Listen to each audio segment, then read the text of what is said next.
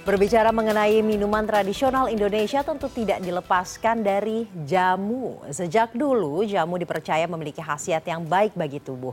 Kini pecinta jamu tidak hanya bisa menikmati jamu tradisional, ada juga beragam menu olahan jamu yang kekinian yang bisa dicoba. Jamu dikenal sebagai minuman tradisional khas Indonesia. Biasanya jamu dijual dengan cara digendong dari rumah ke rumah, seperti yang dilakukan oleh Anik Priyanti yang sudah berjualan jamu gendong sejak 2008. Wanita berusia 40 tahun ini setiap hari berjalan sekitar 6 km untuk menjajakan jamu yang ia racik sendiri. Ia mengaku lebih nyaman menjual jamunya dengan cara digendong. Eh, jarang ya menemukan sekarang yang masih digendong rata-rata jamu tuh sekarang pakai sepeda atau enggak sudah didorong. Tapi kenapa nih Mbak Ani masih mempertahankan eh, masih digendong begitu berjualannya Mbak? Ya enak aja biar simple gitu menjaga tradisi gitu hmm. ya enak digendong. Dari dulu memang digendong? Iya, dari dulu. Identitasnya seperti itu? Iya. Oke. Kenapa uh, tidak menggunakan sepeda? Jalannya sempit atau seperti apa Mbak? Jalannya sempit sih, soalnya nanjak, naik gitu. Iya. Hmm.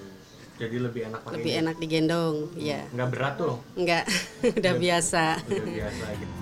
Selain dijual dengan cara digendong, saat ini sudah mulai bermunculan kafe yang menjual jamu dengan lebih modern. Salah satunya kafe di kawasan Sukaresmi Kota Bandung yang menawarkan aneka jamu fusion. Jamu tak hanya terdiri dari bumbu rempah saja, tetapi jamu di sini dicampur dengan pelengkap lain seperti buah-buahan, soda hingga madu. Aku nggak expect kayak bakal jamu banget gitu kirain aku tuh kayak minuman biasa yang punya rempah aja kayak gitu ya ternyata cocok banget tuh dikombinasiin sama ada kue rondenya dan juga minumannya itu cocok banget sih enak banget. Pengelola mengklaim racikan jamu ini sudah melalui proses penyempurnaan rasa tanpa mengurangi khasiat dari jamu itu sendiri. Untuk yang lainnya kebanyakan kita bikin sendiri R&D sendiri gitu. Kayak kita eksplor sendiri untuk si rasanya. Nah gampang tidak untuk mengeksplor rasa dan R&D itu? Uh, agak sedikit susah-susah gampang sih karena kan jamu tuh sensitif ya, terus lebih kuat karakternya mau kita pakai sedikit pun tetap kerasa jamu gitu. Bedanya sama yang lain gitu. Kalau kopi kan kita tambah gula dikit itu udah kerasa itu udah beda nih. Nah untuk si jamu tuh dia karakternya kuat gitu. Kayak kunyit kunyit tuh karakternya kuat banget gitu kan. Jamu fusion bisa ditemukan di kafe lain yang berada di Rangga Malela Bandung. Di sini ada lebih dari 10 jamu fusion yang bisa dipilih dengan varian dingin ataupun hangat. Uniknya, penyajian jamu dibuat seperti membuat mocktail dengan mencampurkan beragam bahan jamu melalui teknik tertentu. Dari looknya aja udah beda banget. Dingin beda dengan jamu tradisional yang biasanya tidak dingin atau tidak panas begitu ya. Yang saya minum ini adalah campuran 7 sampai 8 herbs di dalamnya terdiri dari kapulaga, kemudian cengkeh. Rasanya unik uh, karena dingin dan yang paling penting meskipun ini adalah fusion ya Pak ya, tapi ini juga memiliki khasiat untuk meningkatkan imunitas tubuh. Menarik. Menurut pemilik kedai, menu jamu fusion ini diciptakan untuk mengenalkan jamu pada semua kalangan.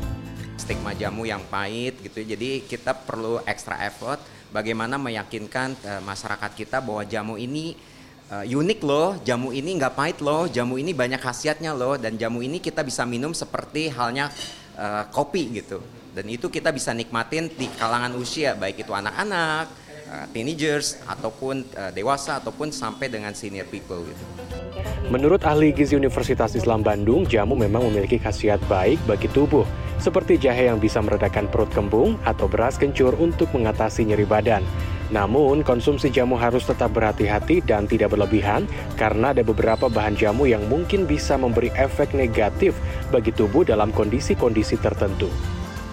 Oh, dok, saya punya ini nih jahe di rumah nih, boleh nggak saya minum ya gitu?